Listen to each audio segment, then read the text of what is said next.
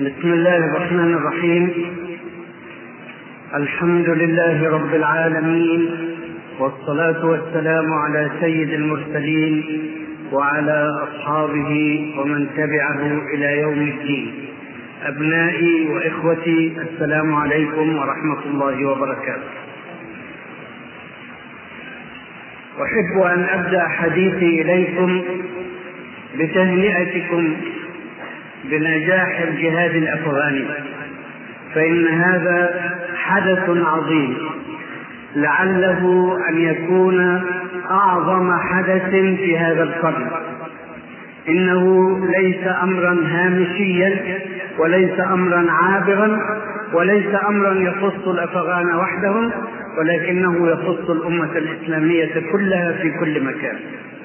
بل أقول إنه يخص العالم كله فإني أرجو أن يتغير ميزان القوى في الأرض بعد هذا الانتصار العظيم بإذن الله. وأنتم تقرؤون الصحف وتتابعون أخبار الجهاد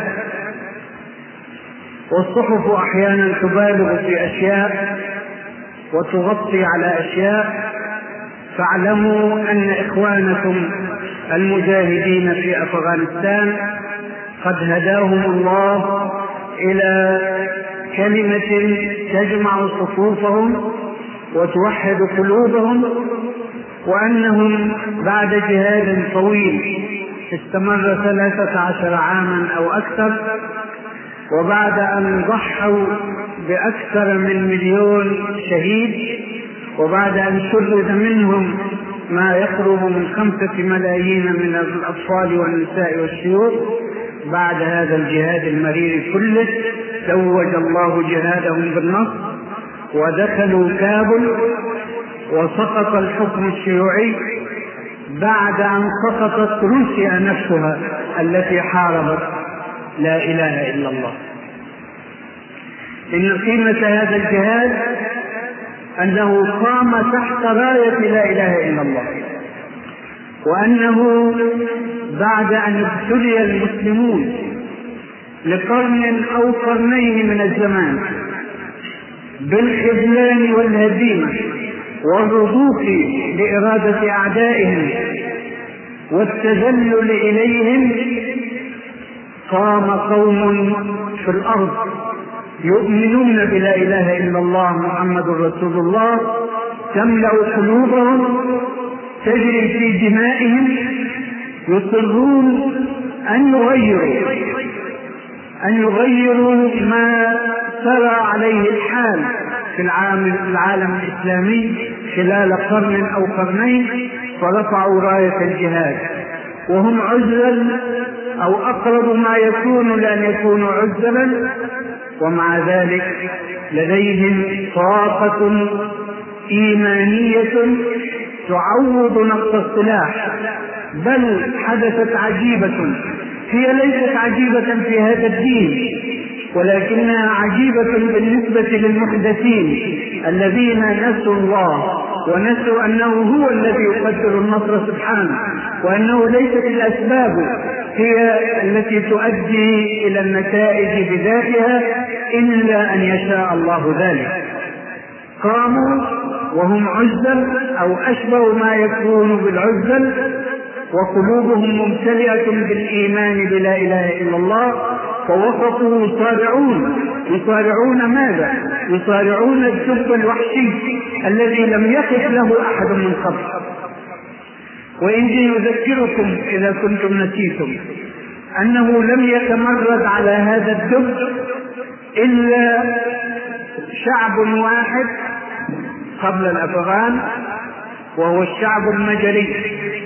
فسحقت ثورته وسحق المتمردون بدبابات قالوا لنا في وقتها أن ارتفاعها ثلاثة طوابق وأنها طحنت الناس طحنا وقتلتهم أحياء تحت تحت البيوت التي هدمتها وعندئذ سكت الناس جميعا. وصار الدب يروح ويجيء لا أحد يقف أمامه. ولا أحد يجرؤ أن يفكر في الوقوف أمامه. إلا هؤلاء الذين قالوا لا إله إلا الله محمد رسول الله ورفعوا رأيته وأصروا أن يقفوا في وجه الدب وأن يتحدوه بكل قوته. وإن قوته كانت عظيمة فعلا مرعبة فعلا. إنه لم يستخدم الأسلحة التقليدية وحدها ولكنه استخدم كل الأسلحة الممنوعة. القنابل الحارقة القنابل السامة الغازات كل أنواع الأسلحة الممنوعة المحرمة دوليا استخدموها للقضاء على أهل لا إله إلا الله. ولكن الله الله الذي يدبر الله الذي يقضي بمشيئته فتكون. يقول للشيء كن فيكون. قال سبحانه فليسحق الدب ومن معه ولينتصر أهل لا إله إلا الله. فانتصر أهل لا إله إلا الله. انتصروا بإيمانهم انتصروا بعزيمتهم التي استمدوها من الإيمان. صمدوا. ست سنوات كاملة أو أكثر من ذلك الوضع لا يتغير. المجاهدون في الجبال والروس في الوديان. يطلقون ما أطلقوا من صواريخ يضربون ما ضربوا من قنابل والحال لا يتغير. وقد كان الروس في مبدأ الأمر قد أتوا بجنود مسلمين أو يحملون أسماء إسلامية من ولاياتهم الروسية التي خضعت للغزو الشيوعي. لأنهم يشتركون في اللغة مع المجاهدين الأفغان. قالوا نرسل إليهم هؤلاء لعلهم يغوونهم عن الإسلام ويضمونهم للشيوعية. فحدثت أول مفاجأة أن الجنود المسلمين الذين أرسلتهم روسيا سلموا أسلحتهم للمجاهدين وبعضهم انضم إليهم يقاتل الروس. عندئذ سحب الروس الجنود المسلمين سريعا وأتوا بجنود شيوعيين لحما ودما لا يتطرق إلى شيوعيتهم الشك. وأعطوهم الأسلحة الفتاكه وقالوا لهم أمامكم شهران أو ثلاثة تقضون فيها على هذا التمرد. وظل الأمر كما قلت ست سنوات كاملة يضرب الروس بكل ما لديهم من قوة ثم لا يتغير الموقف. الروس في الوديان بأسلحتهم والمجاهدون في رؤوس الجبال ولا يتزحزحون ثم حدثت العجيبة الثانية أن أولئك المجاهدين لم يكتفوا بصد الهجوم بل بدأوا يتحركون يتحركون إلى الأمام والروس يتحركون إلى الخلف. حتى إذا كانت السنة العاشرة من هذا الجهاد المجيد تخاذل الجيش الشيوعي أمام هجوم المجاهدين. وعندئذ قررت روسيا الانسحاب لأنه لو بقي الجيش يحارب وقد هجم أمام هذه الفئة الصغيرة فلن تقوم له قائمة ابدا بعد ذلك. عندئذ انسحبوه قبل أن تتم هزيمته ووضعوا ذلك الكافر الملحد الذي يحمل اسما مسلما نجيب الله. وضعوه هناك في كابل وأرسلوا إليه الأسلحة والامدادات وقالوا له قم أنت بما عجزنا نحن عن أن نقوم به. اذبح قومك وقتلهم. ومن أين؟ من أين؟ وقد عجز اسياده أنفسهم أن يصدوا هجوم المجاهدين. ومن أين؟ والدب نفسه قد تخاذل. فكيف للثعلب أن ينتصر؟ تقدم المجاهدون وظلوا يتقدمون حتى أحاطوا بكابل. عندئذ تخاذل الثعلب كما تخاذل الدب من قبل. وحاول أن يهرب وانقلب عليه أعوانه وأخيرا دخل المجاهدون كابل يرفعون راية لا إله إلا الله محمد رسول الله. إنه حدث تاريخي. أحببت أن أهنئكم به قبل أن ألقي حديثي إليكم. إنها فرحة تملأ قلوب المسلمين جميعا. ووسائل الإعلام قد حدثتكم عن خلافات.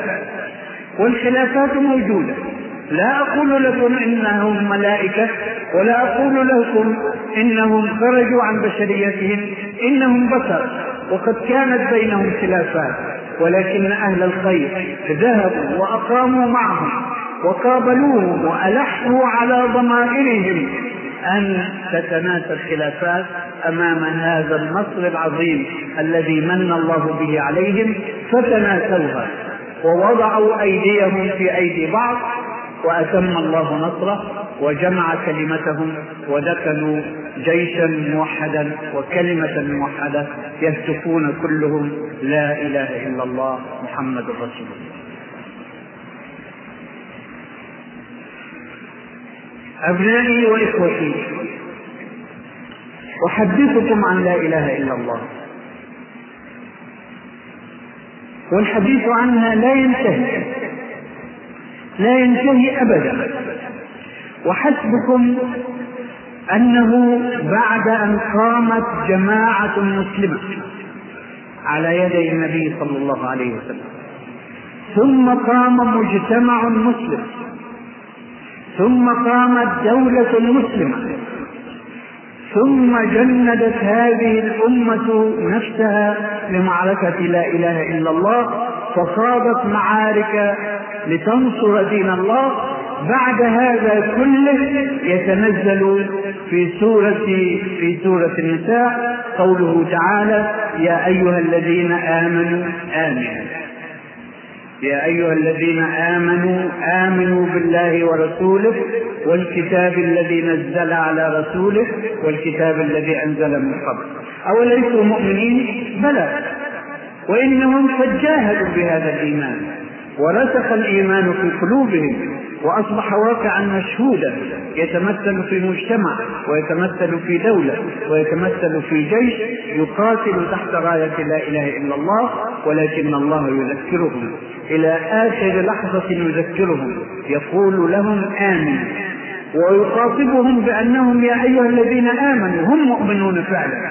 يقول لهم آمنوا بمعنى رسخوا إيمانكم بمعنى تذكروا مقتضيات إيمانكم بمعنى تمسكوا بإيمانكم ولا تفرطوا فيه أبدا.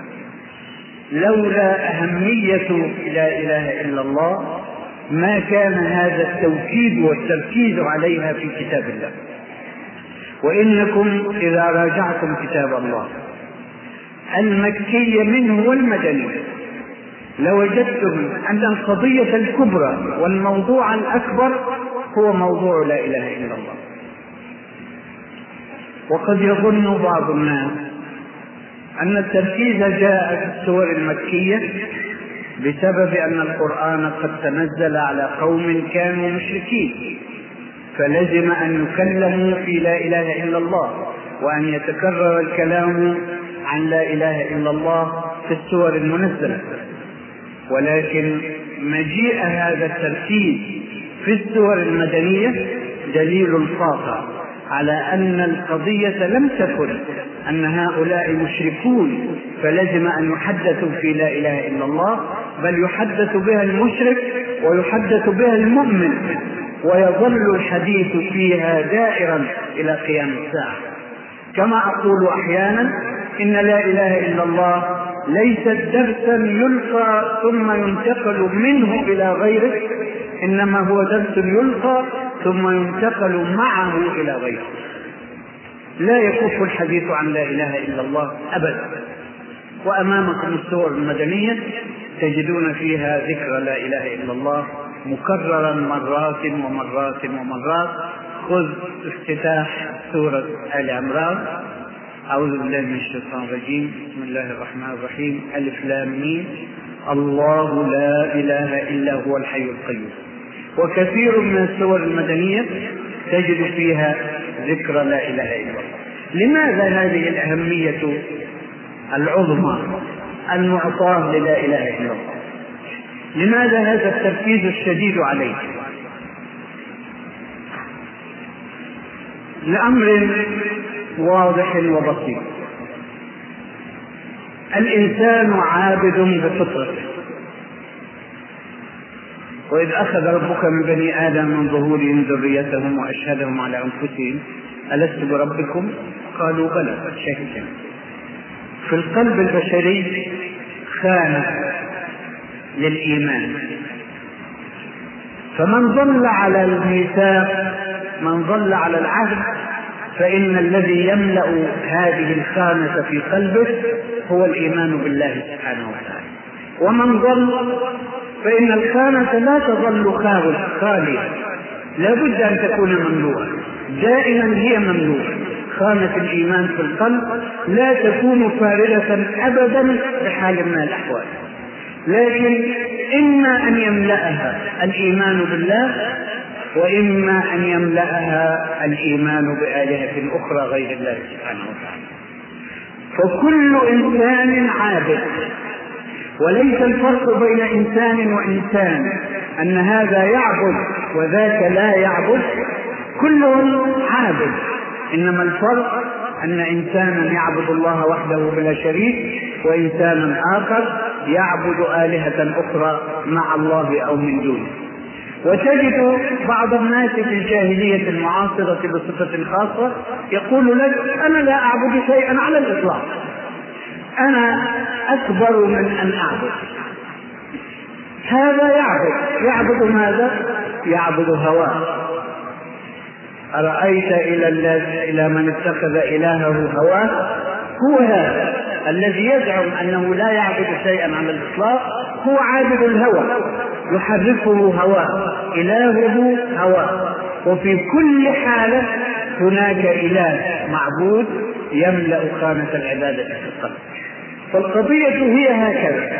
أيهما أفضل؟ أيهما في وضعه صحيح؟ أيهما ينال خير الدنيا والآخرة؟ الذي تملأ قلبه عبادة الله أم الذي تملأ قلبه عبادة غير الله؟ عبادة غير الله طرق كثيرة وأن هذا صراطي مستقيما فاتبعوه ولا تتبعوا السبل فتفرق بكم عن عن سبيله. ورسم رسول الله صلى الله عليه وسلم خطا مستقيما ورسم حوله خطوطا مائلة وقال تلا الآية وأن هذا صراطي مستقيما فاتبعوه ولا تتبعوا السبل. السبل كثيرة لكن من صاحبها؟ من الذي يغذي ضلال الناس فيها؟ إنه واحد إنه الشيطان. وهي في النهاية إما عبادة الله وإما عبادة الشيطان وليست هناك عبادة ثالثة. وإن بدا أن المعبودات كثيرة هي كثيرة صورة ولكنها في النهاية تنتهي إلى الشيطان. قال تعالى ألم أعهد إليكم يا بني آدم ألا تعبدوا الشيطان؟ إنه لكم عدو مبين وأن أعبدوني. هذا الصراط المستقيم.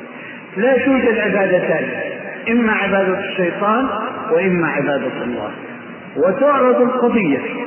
أيهما أفضل؟ أيهما في وضعه المستقيم؟ أيهما ينال خير الدنيا والآخرة؟ الذي يعبد الله وحده بلا شريك أم يعبد الشيطان؟ من هنا تجيء أهمية لا إله إلا الله. إنها المنهج الذي تسير عليه الحياة في هذه الدنيا. لأن الذي يؤمن بلا إله إلا الله يتخذ المنهج الرباني منهجا له في حياته. والذي لا يؤمن بلا إله إلا الله حق إيمانه يتخذ مناهج الشيطان وللشيطان مناهج كثيرة. منهج أمريكي ومنهج إنجليزي ومنهج فرنساوي ومنهج روسي ومنهج صيني ومناهج كثيرة جدا. الشيطان له عدة مناهج وتتغير وتتخلق وكل يوم تتغير. ومنهج الله ثابت. يثبت الله الذين آمنوا بالقول الثابت. والقول الثابت هو لا إله إلا الله محمد رسول الله. يثبت الله الذين آمنوا بالقول الثابت في الحياة الدنيا وفي الآخرة. ويضل الله الظالمين ويفعل الله ما يشاء. من أجل هذا كانت لا إله إلا الله هي قضية الفضائل. ما أرسل رسول إلا بهذه الكلمة إلا بهذه القضية. يقول للناس لا إله إلا الله. اعبدوا الله ما لكم من إله غيره. فيهديهم إليها ويهديهم خير الدنيا والآخرة. فيتبعه يتبع الرسول عليه صلوات الله وسلامه يتبع الرسول من كتب الله له السعادة في الدنيا والآخرة. ويعرض عن الرسول من كتب له الله الشقوة في الدنيا والآخرة. وتظل قضية لا إله إلا الله هي قضية القضايا في حياة الإنسان هذه البدهية التي أقولها الآن صارت في الجاهلية المعاصرة قضية تحتاج إلى جدل وإلى شرح وإلى توكيد وإلى تركيز لماذا؟ لأن الجاهلية المعاصرة ظلت تزحزح قضية العقيدة وتقلل من قيمتها حتى جعلتها في نهاية القائمة ثم دفعتها دفعة فألقت بها في سلة المهملات. وقالت للناس هذا مزاج شخصي. إن أردت أن تكفر فاكفر إن أردت أن تؤمن فآمن. لكن السياسة واحدة والاقتصاد واحد والاجتماع واحد والفكر واحد والأخلاقيات واحدة. ويبقى لك الخيار فيما بينك وبين قلبك يعني تلبس ثوب أبيض تلبس ثوب رمادي أنت حر. لكن انت انت والمجتمع هو هو والسياسة هي هي والاقتصاد هو هو. هل يتغير الاقتصاد إذا غيرت لون الثوب؟ هل تتغير القوانين إذا غيرت لون الغطره؟ لا. البس ما شئت. البس الكفر أو البس الإيمان لكن نحن الذين نضع القوانين. نحن الذين نضع المنهج. وسواء آمنت أو لم تؤمن فالمنهج ساري هكذا قالت الجاهلية المعاصرة.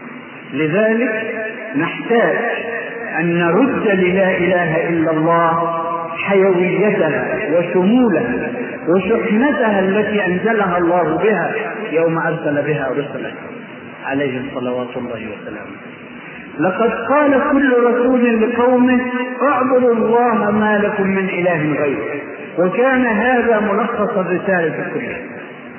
ثم جاءت الرسالة الأخيرة. لتبلغ الناس ذات العبارة. اعبدوا الله ما لكم من إله غيره. وتضع تحت هذه العبارة منهج حياة مفصل يشمل كل صغيرة وكل كبيرة في الإنسان وآمنت أمة محمد صلى الله عليه وسلم بلا إله إلا الله. كما نزلت من عند الله. وكما وعاها قلب رسول الله صلى الله عليه وسلم وعلمها أصحابه. فكانوا كما وصفهم ربهم كنتم خير أمة أخرجت للناس تأمرون بالمعروف وتنهون عن المنكر وتؤمنون بالله. ومكن الله لهم في الأرض لأن الله وعد بذلك. قال تعالى وعد الله الذين آمنوا منكم وعملوا الصالحات ليستخلفنهم في الأرض كما استخلف الذين من قبلهم وليمكنن لهم دينهم الذي ارتضى لهم وليبدلنهم من بعد خوفهم أمنا يعبدونني لا يشركون بي شيئا. مكن لهذه الأمة قرون عددا. لم يكن في الأرض أمة أقوى من الأمة الإسلامية. ولم يكن في الأرض أمة أعلم من الأمة الإسلامية. ولم يكن في الأرض أمة أغنى من الأمة الإسلامية.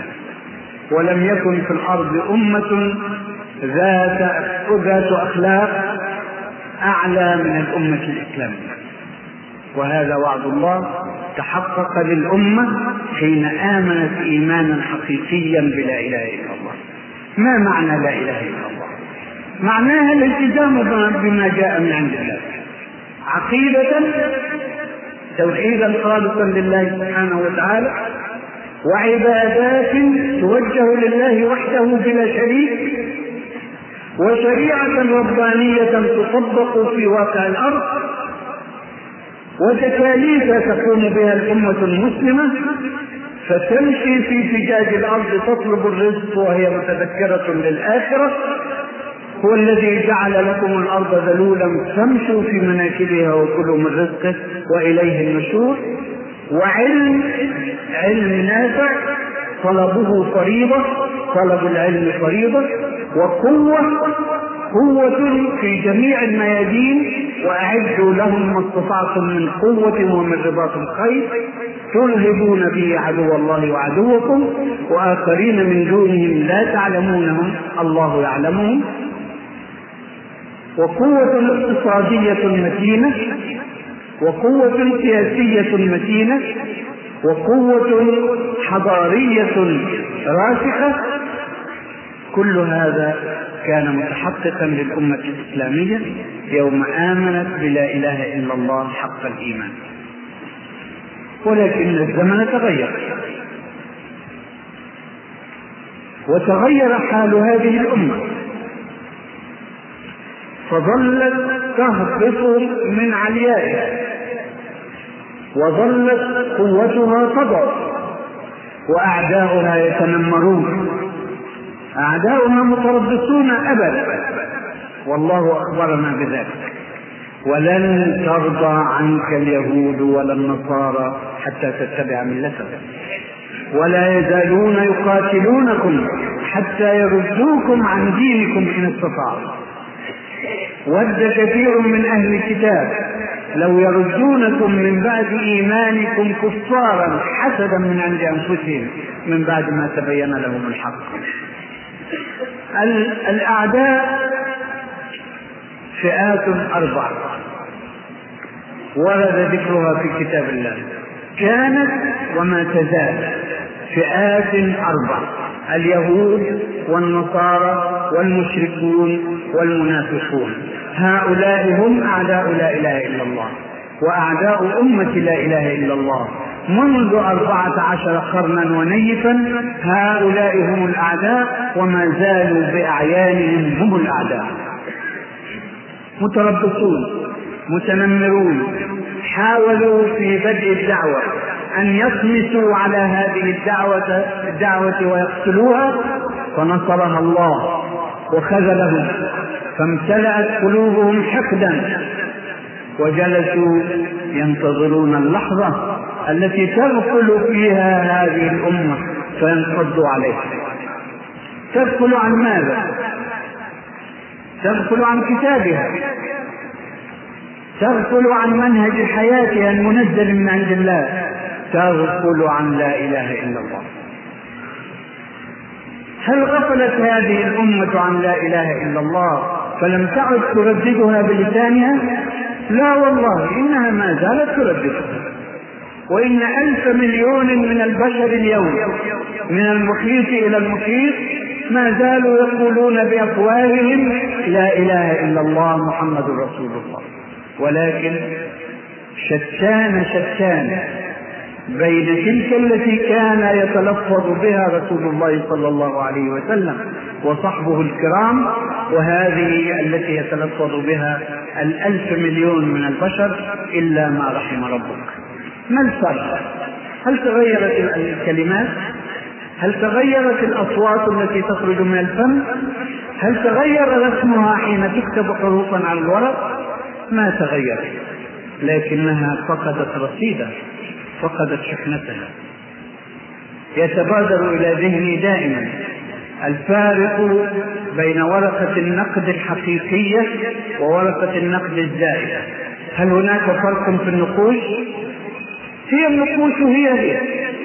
الورقة المكتوب عليها 100 ريال حقيقية والورقة الثانية مكتوب عليها 100 ريال أيضا. وبنفس النقوش ونفس الألفاظ كل شيء كما هو. لكنك إذا ذهبت إلى السوق تحاول أن تشتري بالورقة المزيفة. هل تحصل شيئا؟ لا تحصل لأن الورقة بلا رصيد. وأنت عرضة يومئذ أن تقبض الشرطة عليك لأنك تحمل ورقة ذلك هذا هو الفرق بين لا إله إلا الله التي كانت ينطق بها المؤمنون بها حقا ولا إله إلا الله التي ينطق بها الغثاء. الذي وصفه رسول الله صلى الله عليه وسلم. يوشك أن تداعى عليكم الأمم كما تداعى الأكلة إلى قطعتها قالوا أمن قلة نحن يومئذ يا رسول الله؟ قال أنتم يومئذ كثير ولكنكم غثاء كغثاء السيل وصدق رسول الله صلى الله عليه وسلم. فما ينطق عن الهوى إن هو إلا وحي يوحى. والوحي هو الذي أراه مستقبل هذه الأمة وأراه أن عهدا سيمر على هذه الأمة. تقول فيه لا إله إلا الله محمد رسول الله ولكنها لا تعمل بمقتضياتها فتصبح غثاء كغثاء السيل. غثاء السيل ما هو؟ الحطب الجاف الذي يتبقى من الزرع بعد أن يجف. لا جذور له في الأرض.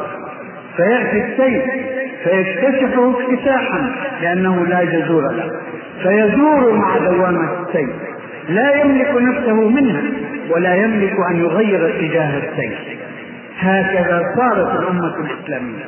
حين نسيت مقتضيات لا إله إلا الله حين غفلت عن المهمة العظمى التي أخرجها الله من أجلها تخلخلت جذورها في الأرض.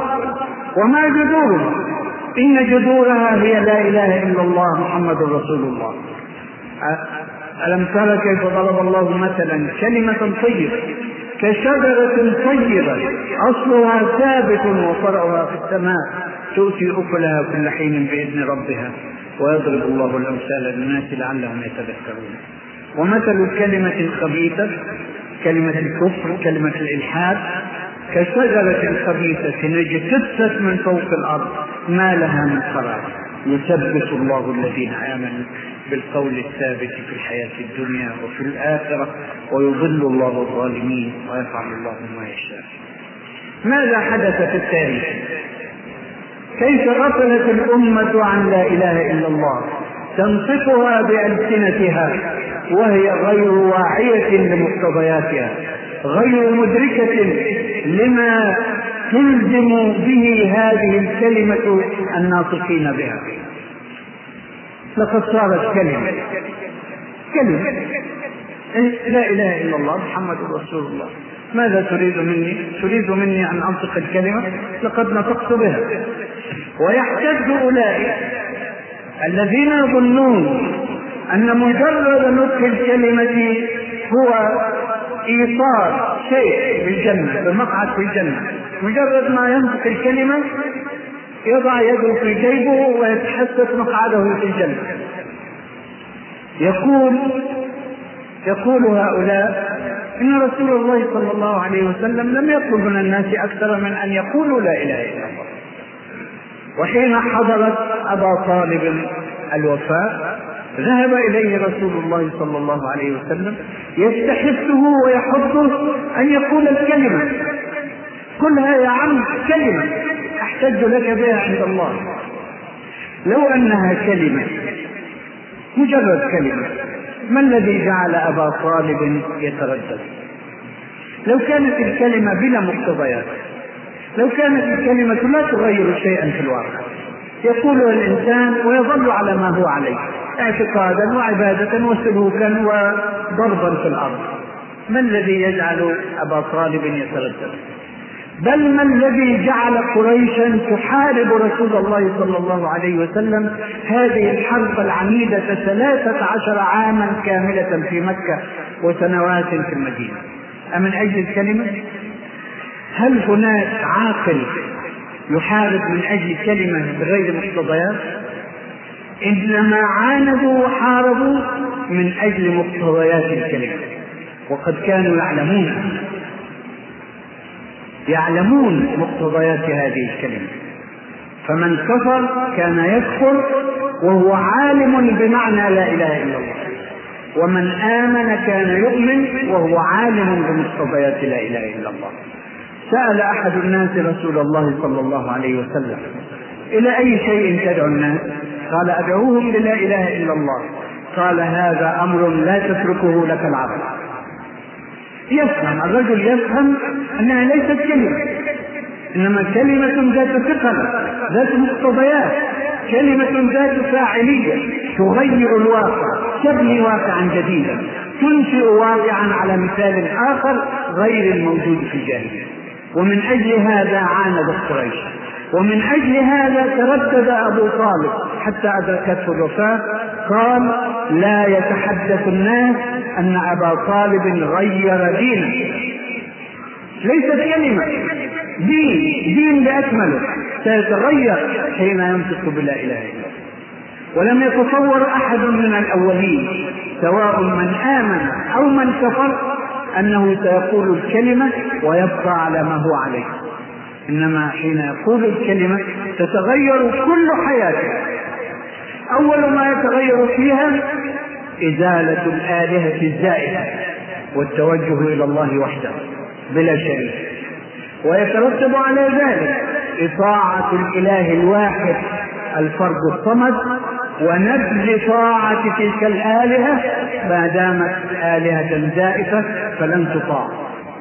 وهل كان العرب قبل محمد صلى الله عليه وسلم يعبدون الأصنام وحدها؟ لا. لقد كانت عندهم أرباب كثيرة يطيعونها في معصية الله سبحانه وتعالى. يطيعون الأصنام والأصنام لا تتكلم إنما يتكلم كهنتها من ورائها فيشرعون للناس هذا حلال وهذا حرام فيتبعون كهنة الأصنام.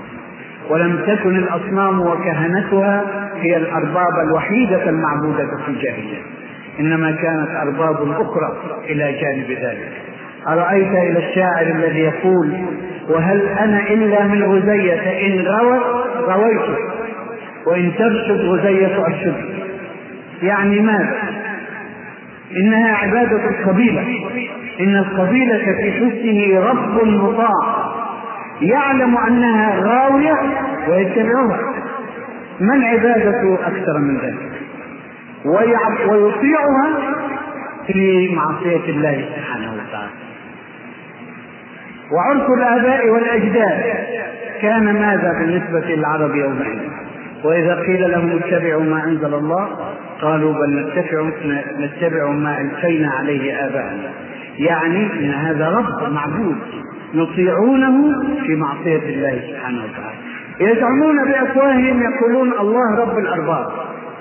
إذا كان رب الأرباب وما في أرباب لكن يعني نتمشى معهم في دعمه إذا كان هو رب الأرباب سبحانه وتعالى فمن أولى بالطاعة؟ الله أم الأرباب؟ يقولون بأفواههم الله رب الأرباب وفي الواقع يعصون رب الأرباب ويطيعون الأرباب. ثم كان الهوى أفرأيت من اتخذ إلهه هواه؟ والشهوات وهي إله معبود في كل جاهلية هذه الآلهة كلها كانت تعبد كانت وفي كل جاهلية هناك آلهة تعبد من دون الله إذا أردتم أن تعرفوا أسماء بعض الآلهة المعبودة اليوم الموضة ما هي في حس الناس؟ إله معبود يقول الواحد من الناس هل تريد أن أخالف الموضة؟ وتقول الفتاة التي تجردت وتعرت تقول هذا هو الموضة تريدون مني أن أخالف الموضة الصالح العام الرأي العام العالمي ما هو؟ رب معبود. يقول من هذا الغثاء الذي يبلغ عدده ألف مليون من البشر إلا من رحم ربك. يقولون تريدون أن نطبق الشريعة؟ تريدون أن نقطع يد السارق ونرجم الثاني؟ ماذا يقول عنا العالم المتحدث الرأي العام العالمي رب معبود من دون الله. يعصى الله ليطاع هذا الرب المعبود. وتتداول الاموال بالربا. ويصيح المسلمون الله الله في أموالكم. كيف تديرون أموالكم بالربا وقد حرمه الله؟ يقولون تريدون أن نشد وحدنا في العالم كله؟ العالم كله يتعامل بالربا. الربا عملة دولية عالمية. تريدون أن نقف وحدنا. وينظر العالم كله إلينا ويقول هؤلاء المتأخرون الذين لا يسايرون الاقتصاد الحديث آلهة كلها آلهة معبودة. معبودة من دون الله ويعصى الله في طاعتها وتطاع هي في معصية الله. الذين قالوا لا إله إلا الله ما الذي تغير في نفوسهم بادئ أبي بكر؟ زالت تلك الآلهة الزائفة كلها. ولم يعد إلا إله واحد هو الإله الحق التوجه إليه وحده والعبادة له وحده. والتلقي من عنده وحده والمنهج هو منهجه. أي تغير حدث تغير ضخم. إزالة الآلهة الزائفة وعبادة الواحد الأحد واتباع منهجه غيرت الحياة كلها. إنه ليس تغييرا هامشيا. إنه ليس تغييرا سطحيا. إنه تغيير في الأعماق. إنه ولادة جديدة للإنسان. إنسان جديد. ولد لتوه. ولد على صورته الحقيقية. لقد خلقنا الإنسان في أحسن تقويم أفمن يمشي مكبا على وجهه أهدى أم من يمشي سويا على الصراط المستقيم هذا الإنسان الذي قال لا إله إلا الله استقام. استقامت رؤيته. حين استقام ضميره. حين عرف الله الواحد. أصبح يسير مهتديا على الصراط المستقيم. بينما الآخرون يدورون حيث تدور بهم الآلهة التي يعبدونها. وهي آلهة شريرة لا تعطي الإنسان كرامة تستدله تضع أقدامها فوق رأسه وتخدعه وتذله. بينما الله الحق يقول ولقد كرمنا بني آدم. وحملناهم في البر والبحر ورزقناهم من الطيبات وفضلناهم على كثير ممن خلقنا تفضيلا حين آمنت الأمة بلا إله إلا الله حق الإيمان حقق الله لها موعوده ولكن كما قلت بدأت تنحرف. تنحرف في فهمها للا إله إلا الله ومقتضياتها. وفي تطبيقها العملي في واقع الحياة. وما بنا أن نستعرض أسباب الانحراف فهي كثيرة. ولكن مع ذلك لا بد أن نلم ببعضها ولو برؤوس الأقلام. لقد بدأ التفلت من التكاليف والتفلت كما أقول دائما طبع بشري. وأبونا آدم وقع فيه. ولقد عهدنا إلى آدم من قبل فنسي. فنسي ولم نجد له عزما. وبنو آدم كأبيهم ينسون ويغفلون ولكن ألا يوجد علاج لهذا؟ علاج رباني؟ بلى يوجد. إنه التذكير وذكر فإن الذكرى تنفع المؤمنين ما الذي ينساه الإنسان؟ الإنسان المؤمن ما زال في دائرة الإيمان لأن الله يقول وذكر فإن الذكرى تنفع المؤمنين هم مؤمنون لكن ماذا نسوا؟ نسوا العمل بمقتضى لا إله إلا الله يقولونها وينسون مقتضياتها فيذكرون فإذا ذكروا عادوا. والذين إذا فعلوا فاحشة أو ظلموا أنفسهم ذكروا الله فاستغفروا لذنوبهم. ومن يغفر الذنوب إلا الله؟ ولم يصروا على ما فعلوا وهم يعلمون. أولئك جزاؤهم مغفرة من ربهم وجنات تجري من تحتها الأنهار خالدين فيها ونعم أجر العاملين. إذا وجدنا أن الأمة ظلت تنحدر فما معنى هذا؟ معنى هذا أن التذكير لم يكن كافيا أو لم يكن من النوعية المطلوبة فإن كثيرا من الناس يظنون أن التذكير موعظة يقف في وسط الناس ويذكرهم بالموعظة والموعظة مفيدة ولا شك وضرورية وقد نزل ذكرها في كتاب الله. ولا غنى عن الوعظ. ولكن يا أبنائي ويا إخوتي انظروا إلى الصحابة رضوان الله عليهم. يقولون كان رسول الله صلى الله عليه وسلم يتخولنا بالموعظة يعني بين الحين والحين مخافة السآمة انظروا إلى رسول الله صلى الله عليه وسلم. يخشى على صحابته ان يسأموا كثرة الوعظ. وهو من هو؟ رسول الله. وهم من هم؟ صحابة رسول الله صلى الله عليه وسلم. الذين يتطلعون إلى كل كلمة ينطق بها رسول الله صلى الله عليه وسلم لأنها طريقهم إلى الجنة. ينتظرونها يتلطفونها يتشبثون بها. وهو يخاف عليهم السآمة فما بالنا نحن البشر العاديين. إذا قلبنا حياتنا كلها وعظا فماذا تكون النتيجة؟ تكون أن الشاب أو الفتاة إذا جاء, جاء درس الوعظ في المذياع أو التلفاز يعرض عنه ويبحث عن محطة أخرى. ليس التذكير كله وعظا إنما التذكير قدوة. قدوة تربي هذا هو الذي يذكر الأمة. يذكرها بكتابها. يذكرها بعقيدتها. يذكرها بمقتضيات لا إله إلا الله. من خلال تطبيق عملي وقدوة عملية. فهكذا ربى رسول الله صلى الله عليه وسلم أمته. لم يربها بالكلمة وحدها وما أعظمها كلمة إنها كلمة الله. ولكن الله يعلم أن الكلمة وحدها لا تكفي لإيقاظ قلوب البشر ولتغيير واقعهم.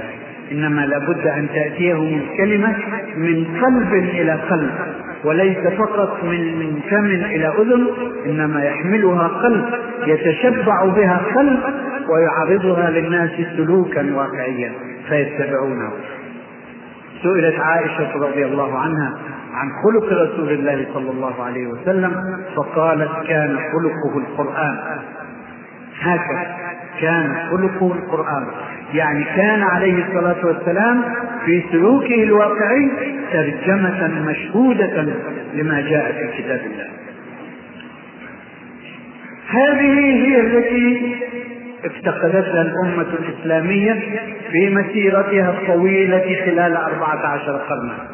لا نقول لم تكن هناك قدوة كانت ولكن حجم القدوة لم يعد كافيا للإنذار والإعذار بالنسبة لهذه فبدأت تهبط من مستواها العالي, الرفيع الذي كانت قد وصلت إليه. ثم دخل في جسم الأمة تياران دخيلان ليس من الإسلام ولكنهما تلبسا بالإسلام وخدع الناس فحسبوهما من الإسلام. أولهما ما يطلق عليه الفكر الإرجائي وإن كثيرا من الناس لا تعلم ما هو الإرجاء ولا تعلم ما هو الفكر الإرجائي ولكنها تطبقه عمليا في واقع حياتها الفكر الإرجائي يقول الإيمان هو التصديق والإقرار وليس العمل داخلا في مسمى الإيمان. سبحان الله وهل نزل هذا الدين ليكون معتقدا قلبيا وليكون كلمة تنطق بالألسنة ولا يؤمل بها؟ والله يقول وما أرسلنا من رسول إلا ليطاع بإذن الله. قال الفكر الإرجائي الإيمان هو التصديق والإقرار وليس العمل داخلا في مسمى الإيمان. وقامت معركة بين السلف وبين هؤلاء المرجئة. وقال السلف الإيمان قول وعمل وقالوا هم العمل ليس داخلا في مسمى الإيمان. واجتمعت الأمة إلى السلف فترة ثم أخذت تميل إلى المرجئة فترة. ويجيئك إنسان لم يسمع خط عن المرجئة ولا يعرف شيئا عنهم لأنه لم يدخل المدارس ولم يدخل الجامعة ولم يذكر أمامه الفكر الإرجائي. لكن يقول ربك رب قلوب ما دام قلبك عامرا بالإيمان فلا يهمك شيء هذا هو الفكر الإرجائي. مطبقا في واقع الناس وإن لم يعلموا أن اسمه هو الفكر الإرجائي. وتغلغل هذا الفكر. كلما تفلت الناس من التكاليف جاء الفكر الإرجائي يغطيهم ويوهمهم أنهم ما زالوا على الخط الصحيح. وأقول للتمثيل لمجرد التمثيل حين انحسر انحسر العمل عشرة في المية جاء الفكر الإرجائي وغطى في المية. حين انحسر العمل خمسين في المية جاء الفكر الإرجائي وغطى في المئة حين انحسر العمل مئة في المئة قال قوم من الناس من قال لا إله إلا الله فهو مؤمن ولو لم يعمل عملا واحدا من أعمال الإسلام. وهذا في كتب منشورة. ليس استنباطا ولسنا نتكلم عن آه، لزوم ما يقولون بل ما يقولون بالفعل. ليس لازما لما يقولون بل هو نص موجود في كتبه. جاء تيار آخر موازن له. تيار الصوفية. وحين نتكلم عن الصوفية يغضب بعض الناس ويقول هناك صوفية صادقون مجاهدون وأنا أقول نعم. هناك بالفعل صوفية صادقين إيمانهم سليم. هؤلاء هم زهاد في الحقيقة وإن ألحقوا من حيث الشكل بالصوفية. لكن الصوفية قالت ماذا؟ قالت للناس تريدون أن تصلوا إلى ربكم؟ هلموا هناك طريق خلفي قصير. بدل التكاليف المتعبة الكثيرة ندلكم على طريق يؤدي إلى الوصول إلى الله في لمح البصر. اجلس مكانك وخذ هذا الورد اقرأه 100 مرة 200 مرة 300 مرة 1000 مرة تصل إلى الله سبحانه وتعالى. فإذا وصل الإنسان ما حاجته إلى العمل؟ العمل هو المصية التي توصل الإنسان إلى رضا الله. فإذا كان الإنسان قد وصل بالفعل هل يلتفت إلى العمل؟ ما يحتاج إلى تلك الدابة لتوصله واصل. نصف التكاليف عن نفسه. وأول ما سقط من تلك التكاليف الجهاد. وسقطت تكاليف كثيرة. أخرى واجتمعت هذه العوامل. التفلت من التكاليف مع قلة التذكير بالقدوة الفكر الإرجائي الصوفية مع مئات من البدع والخرافات تجمعت كلها فأثرت في قلب الأمة أثرت في حقيقة إيمانها لا في سلوكها وحده لكن فيما وقر في القلب وانحسرت لا إله إلا الله. من شمولها الواسع الذي يشمل الحياة كلها بكل تفصيلاتها وبكل جزئياتها ظلت تنحسر في حس الناس حتى صارت الكلمة المنطوقة باللسان وليس وراءها شيء. وانحصر مفهوم العبادة من جراء ذلك. بدلا من أن يكون شاملا لكل جزئية في حياة الإنسان فأصبح مقتصرا على الشعائر التعبدية. والله يقول قل إن صلاتي ونسكي ومحياي ومماتي لله رب العالمين. ليست الصلاة والنسك وحدها هي العبادة. العبادة تشمل الحياة كلها محياي كله بل ومماتي أيضا لله رب العالمين. كيف يكون الموت لله؟ ومن الذي يختار موته؟ لا أحد يختار موته ولكن الله يقول يا أيها الذين آمنوا اتقوا الله ولا تموتن إلا وأنتم مسلمون. هذا هو الموت لله في أدنى مراتبه. أما في أعلى مراتبه فهو الجود بالحياة في سبيل آه، في سبيل كلمة الله إعلاء كلمة الله. عندئذ يكون الموت لله والحياة لله والصلاة لله والنسك لله فتتحقق لا إله إلا الله ويتحقق معنى العبادة الكامل الشامل الذي فهمه صحابة رسول الله صلى الله عليه وسلم. انحسر مفهوم لا إله إلا الله حتى صارت كلمة وانحسر مفهوم العبادة حتى اقتصر على الشعائر التعبدية. الصلاة والصيام والزكاة والحج. ثم انحسر مرة أخرى. فصارت هذه تؤدى أداء آليا. والقلب غافل عن مقتضياتها. يقول الله سبحانه وتعالى إن الصلاة تنهى عن الفحشاء والمنكر. ويصلي المصلي ويخرج من الصلاة يمارس المنكر. وقد يمارس الفحشاء. لم تنهه صلاته لماذا؟ لأنه لم يعطها الخشوع الحقيقي الذي تستحقه. أداة مجرد أداء قال علماؤنا يسقط عنه وزرها لكن لا ثواب له عليها لأنه لم يؤدها الأداء الحقيقي الذي أنزلها الله فرضها الله من أجله. كل العبادات لها مردود دنيوي. يقصد أن تؤديه في الحياة الدنيا. الصلاة تنهى عن الفحشاء والمنكر. الصوم يا أيها الذين آمنوا كتب عليكم الصيام كما كتب على الذين من قبلكم لعلكم تتقون. تتقون في الدنيا ولا في الآخرة؟ يظن الناس أن العبادات للآخرة وحدها وهي للآخرة. قطعا هي للآخرة لكن هي للآخرة وللدنيا في ذات الوقت. فكل شيء في هذا الدين هو للآخرة والدنيا في ذات الوقت لا شيء للآخرة منقطعا عن الدنيا ولا شيء للدنيا منقطعا عن الآخرة. إنهما طريق واحد الدنيا مزرعة الآخرة. الطريق يبدأ في الدنيا وينتهي في الآخرة. وأعمال الإنسان في الدنيا هي التي يحاسب عليها في الآخرة. من أجل ذلك اتحد الطريق. صار طريقا واحدا.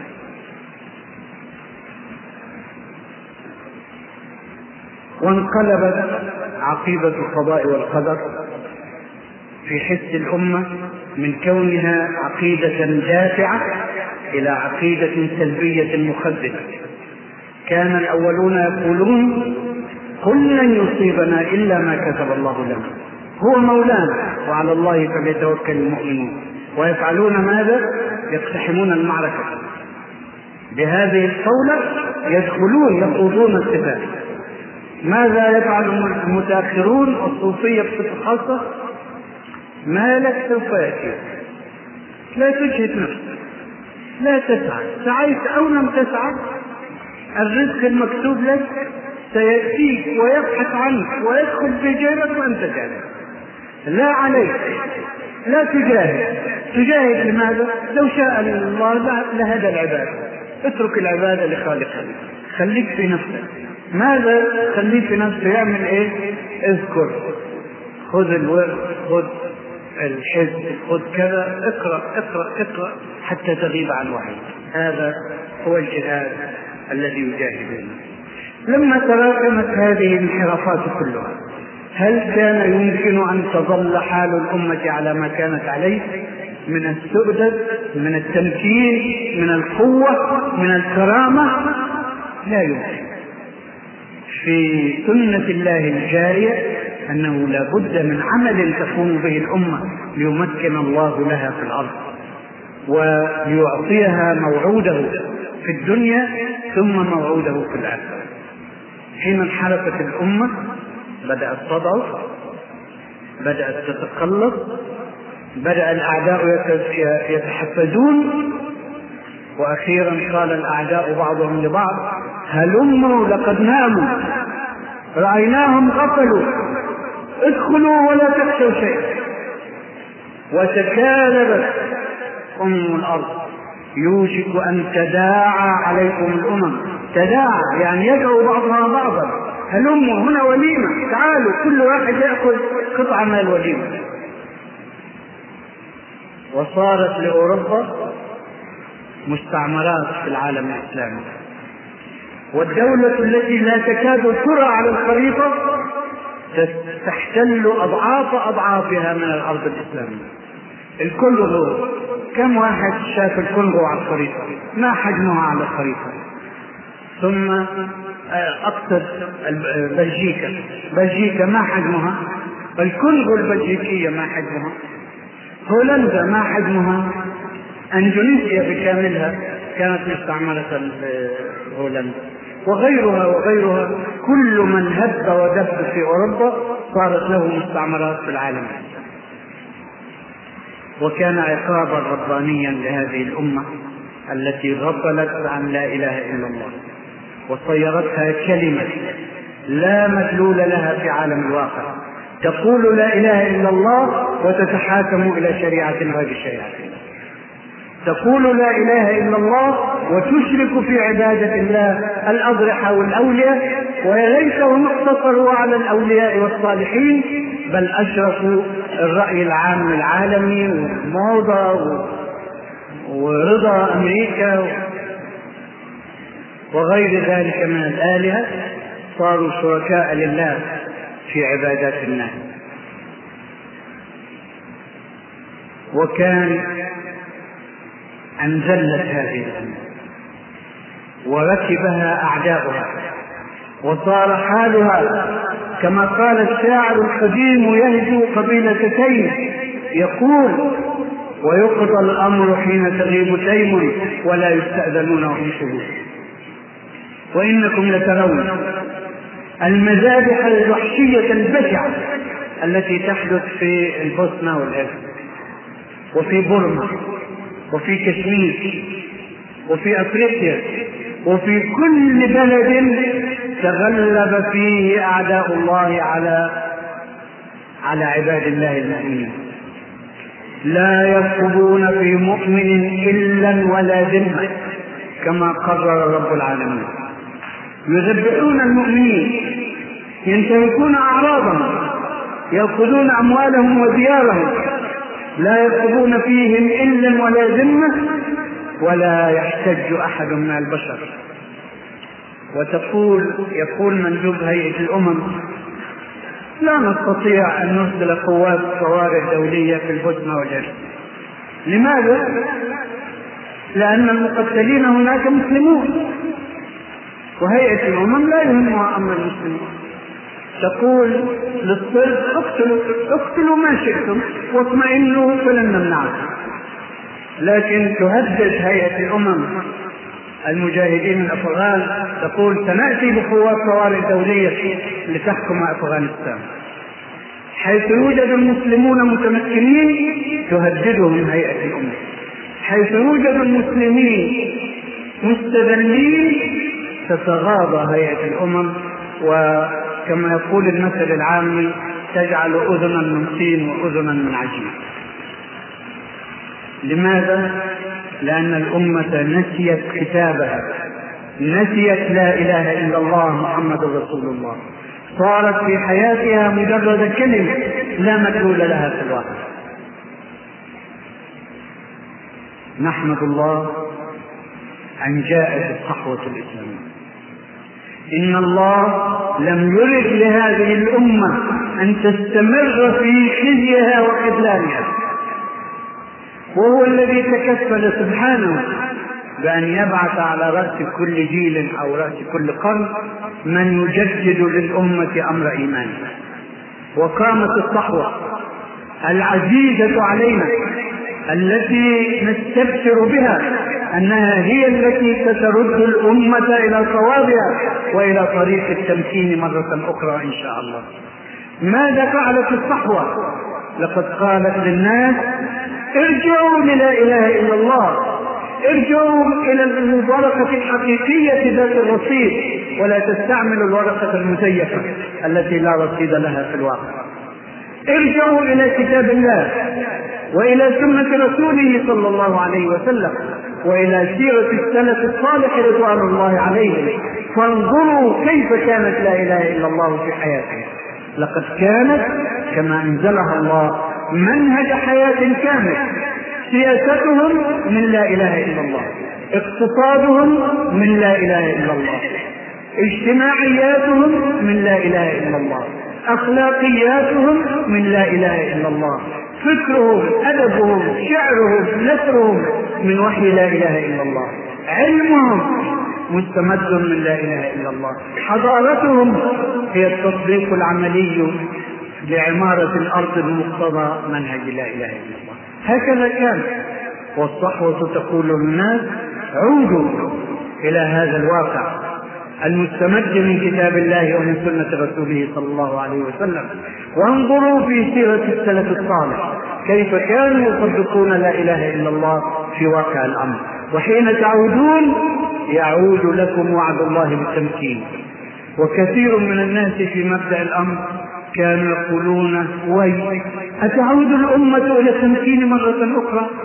بعد أن خضعت لأعدائها وركبها الأعداء وداسوها بأحذيتهم وسلبوا أموالها وأرضها وكرامتها وأعراضها. أو ترجع الأمة الإسلامية مرة أخرى؟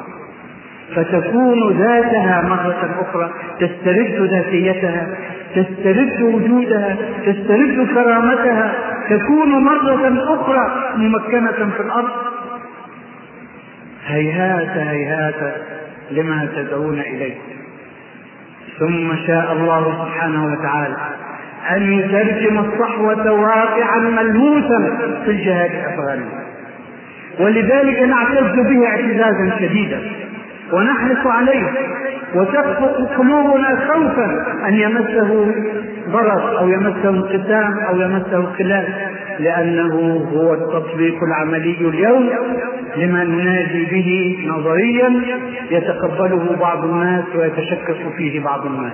لقد طبق في الواقع العملي وحدثت كرامات أو معجزات وعد الله بها في كتابه أنه حين يكون هناك مؤمنون ينزل قدر الله بالنصر للفئة القليلة المؤمنة على أضعاف أضعافها من الفئة الكافرة. والله يؤيد بنصره من يشاء. قد كان لكم آية في فئتين التقتا فئة تقاتل في سبيل الله وأخرى كافرة. يرونهم مثليهم رأي العين. رأي العين هم كانوا ثلاث أضعاف. لكن رأي العين كانوا مثليهم. يرونهم مثليهم رأي العين. والله يؤيد بنصره من يشاء. إن في ذلك لعبرة لأولي الأبصار. لقد حدثت المعجزة مرة أخرى. وتغلبت الفئة القليلة المؤمنة على عشر أضعافها أو أكثر من عشر أضعافها من الوحوش الذين جاءوا يحاولون قتل لا إله إلا الله. فنصر الله دينه حين وجد مؤمنون يكونون ستارا لقدر الله. إن النصر من عند الله.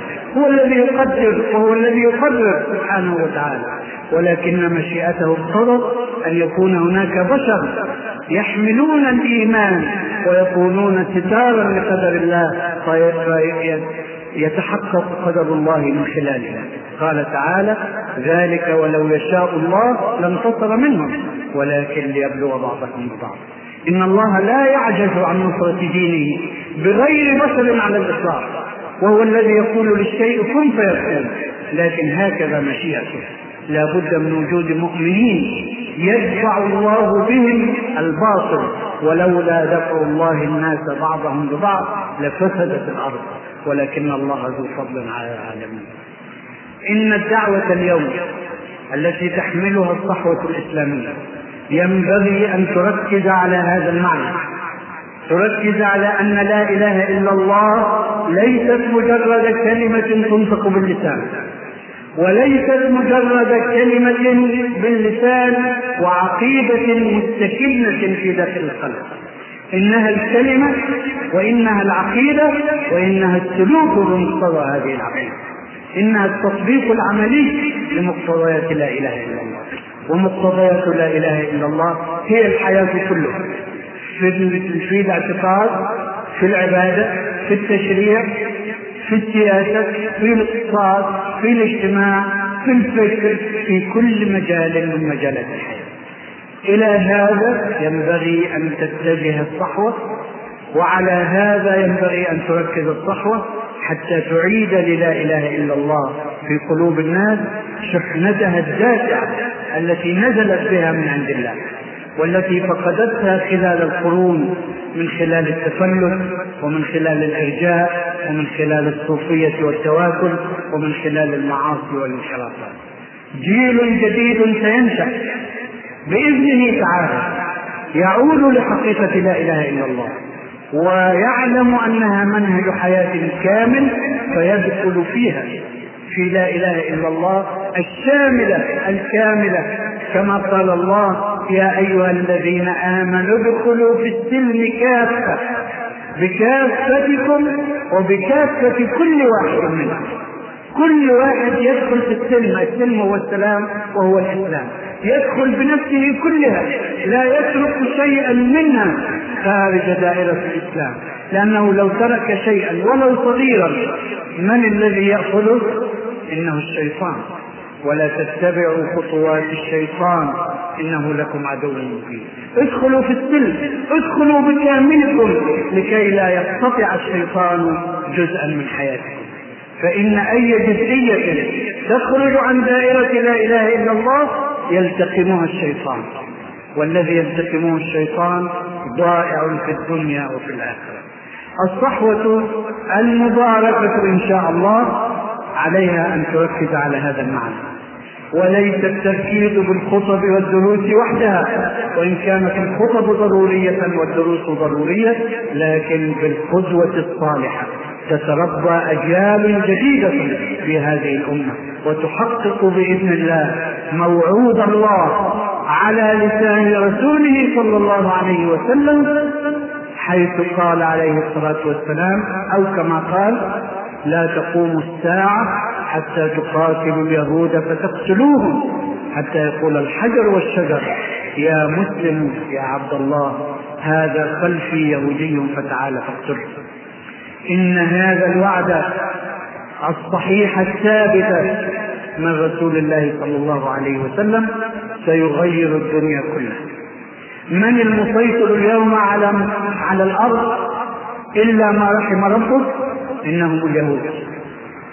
وحين تقع تلك المعركة الفاصلة ويسحق اليهود سحقا تحت وطأة جند الله تحت راية لا إله إلا الله فلن يكون لهم الغلبة في الأرض وهم مشحوقون في معركة فلسطين.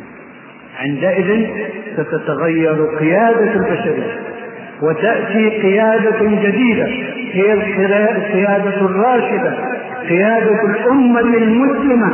ويتحقق قوله تعالى وكذلك جعلناكم أمة وسطا لتكونوا شهداء على الناس. ويكون الرسول عليكم شهيدا. وإنا لمقبلون على هذا العصر العظيم الذي بشر به رسول الله صلى الله عليه وسلم. ولكن لا نتواكل فإن التواكل ليس من الإسلام. ونتخذ الأسباب ونتوكل فإذا عزمت فتوكل على الله. نعزم العزمة الصادقة ونتوكل على الله سبحانه وتعالى. والله محقق وعده إن الله بالغ أمره. قد جعل الله لكل شيء قدرا. نحن مقبلون أبنائي وإخوتي على عهد سعيد بإذن الله يسود فيه الإسلام في الأرض ويدخل الناس فيه في دين الله أفواجا مرة أخرى كما دخلوا أول مرة. لكن عليكم أن تترجموا لا إله إلا الله إلى واقع مشهود في حياتكم الخاصة ثم في حياة الأمة ثم في حياة الأمة على اتساعها فيتحقق ما وعد الله. أبنائي وإخوتي أخشى أن أكون قد نسيت نفسي فأطلت عليكم فإن كنت فعلت ذلك فأعتذر إليكم وأختتم حديثي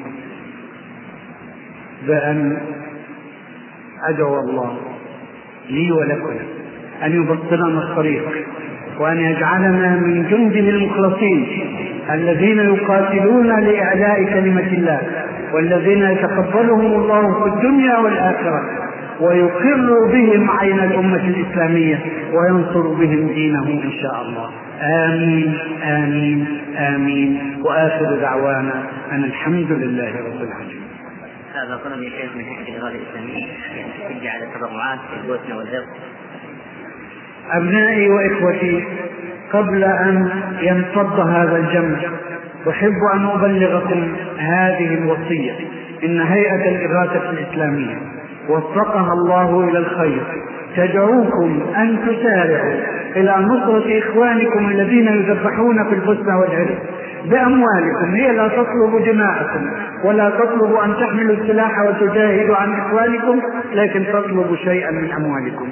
فهلموا وبادروا يرحمكم الله ويوفقكم الله ويرضيكم في الدنيا والآخرة ويرضى عنكم إن شاء الله. وهناك من يستلم على الابواب اخوان وهناك من يستلم هذه الشرعات على الابواب على كل باب من الشرائع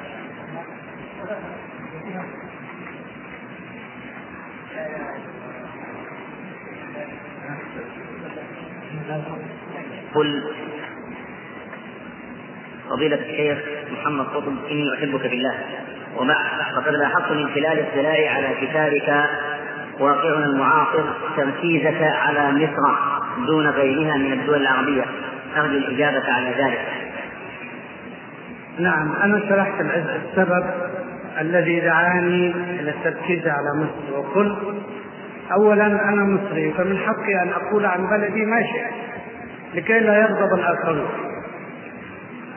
وسبب أكثر جدية أن الأعداء ركزوا في مخططهم العدواني على مصر وعلى تركيا أكثر من غيرهما من البلاد. تركيا باعتبارها دولة الخلافة يعني مركز السلطة السياسية والعسكرية. ومصر مركز الأزهر يعني مركز الإشعاع الثقافي. فركز الأعداء على هدم الإسلام في هذين المكانين بالذات ليسهل هدم الإسلام في بقية العالم الإسلامي. وثالثا كما شرحت في الكتاب أن التجربة المصرية هي التجربة المتكاملة من أول الانسلاخ من الإسلام إلى بدء العودة إلى الإسلام وكل بلد كل إنسان في كل بلد سيجد مشابه مما حدث في مصر في بلاده.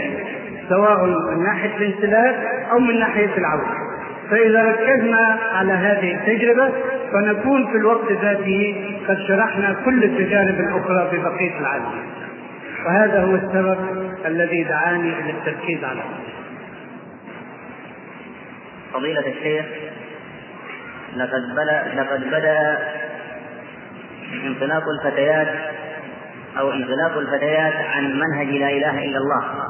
للبس القصير وتفريط في الدين فهل من كلمة توجيهية إلى النساء؟ يا أخي أنت عايزهم يقولوا عليهم رجعيين؟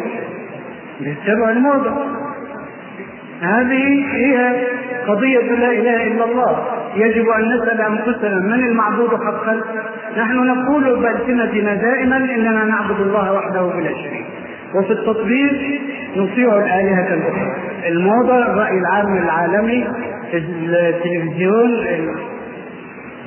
إلى بناتي وأبنائي أقول قولوا للمتبرجات اللواتي يسقطن عن أوجههن الحجاب إن المرأة قد عادت إلى الحجاب مرة أخرى وأنتم اللواتي صرتن رجعيات.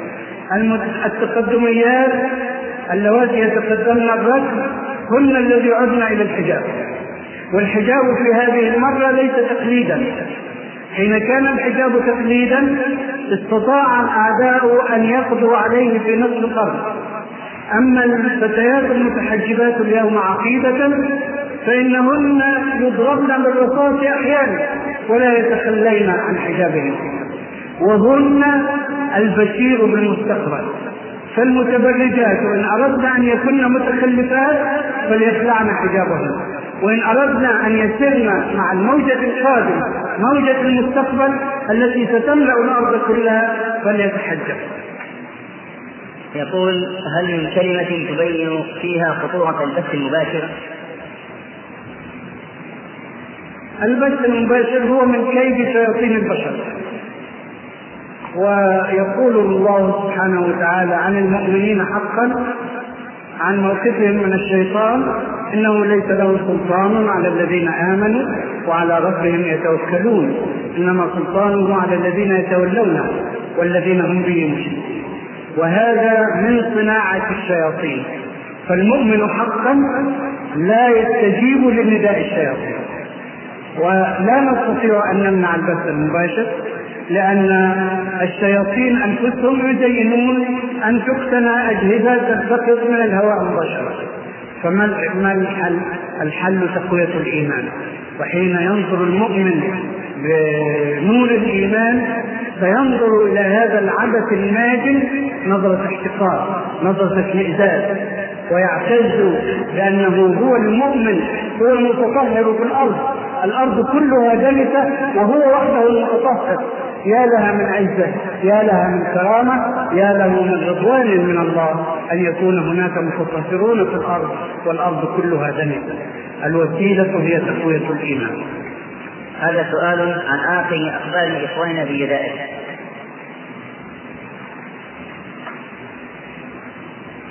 والله خلال الأسبوع الماضي كنت مشغولا مع الأفغان فلم أتابع أخبار الجزائر لأنه لم تكن تصل الي الصحف ولا إذاعة وأنا هناك. لكن ما زال إخوتنا في السجون معتقلين وما زال الطغاة يتحكمون في أمورهم ويزعمون أنهم سيقدمونهم إلى محاكمة عادلة.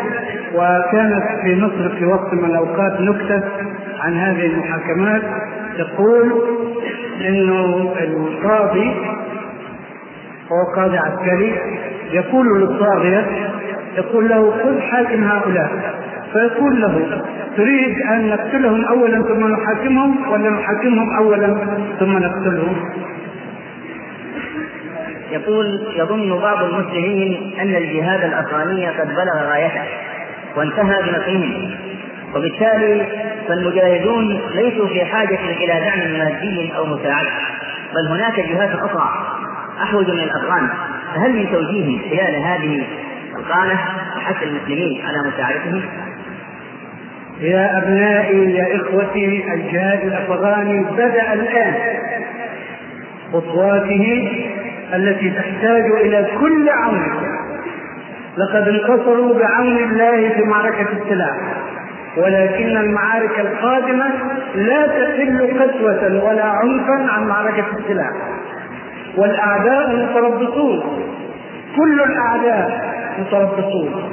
إن يكن قد فاتهم هزيمة المجاهدين في ميدان المعركة العسكرية فإنهم لا يألون جهدا في معاكسة المجاهدين في الميدان الاقتصادي في الميدان السياسي في ميدان التعمير في كل الميادين وهم اليوم أحوج ما يكونون إليكم مالا ورجالا وأقول نساء أيضا هم محتاجون إلى معلمين ومعلمات. وأطباء وطبيبات ومحتاجون إلى مهندسين ومحتاجون إلى أموال كثيرة جدا يعمرون بها ما قربه الشياطين. فلا تكفوا أيديكم عن معونتهم. هم اليوم أحرص وقد يستحون هم أن يطلبوا عونكم لكن اعلموا أنهم في حاجة إلى كل فرس يصل إليكم فلا تكفوا عن معاونتهم أبدا. ما هو الواجب على المسلم بعد إقامة حكم الله في أفغانستان؟ هل يجب عليه الهجرة أم لا؟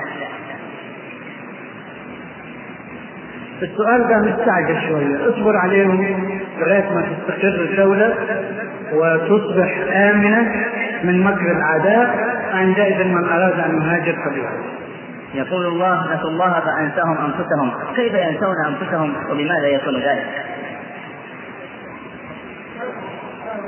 وهل الغفلة وهل اتباع الشيطان إلا نسيانا؟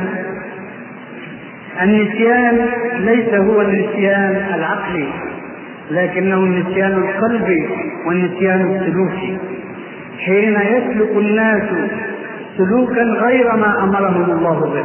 حين تأخذهم الدوامة حين يغرقون في الشهوات حين لا يفيقون لكيد أعدائهم هل هناك نسيان لأنفسهم أكبر وأبلغ من هذا النسيان؟ لقد نسيت الأمة مهمتها التي أخرجها الله لها وهي أن تكون رائدة ومرشدة لكل البشرية. فهل وراء ذلك نسيان؟ سمعنا أن مؤتمرا إسلاميا في الباكستان صدر بقرار بإجماع طائفة المسلمين بإلغاء كلمة الجهاد. وضح لنا ذلك. أنا ما سمعت هذا. الذي سمع هو الذي يقول لنا ما سنده في هذا الخبر. أما أنا ما سمعت هذا أبدا. يقول ما هي الإرادة الدولية؟ وهل هي رب من الأرباب؟ وماذا تعني هذه الكلمة؟ الانصياع للإرادة الدولية. الإرادة الدولية يعني إرادة أعداء الإسلام محق الإسلام والمسلمين. هذه هي الترجمة الحقيقية للإرادة الدولية. ومن أراد أن يخدع نفسه فليفكر ما شاء وليعتقد ما شاء. لكن هذه هي الحقيقة. الآن المعركة الصليبية الصهيونية على أشدها وهي موجهة لقتل صحوة الإسلام. ويسمى ذلك إرادة دولية. وصلى الله وسلم على نبينا محمد وعلى آله وصحبه أجمعين.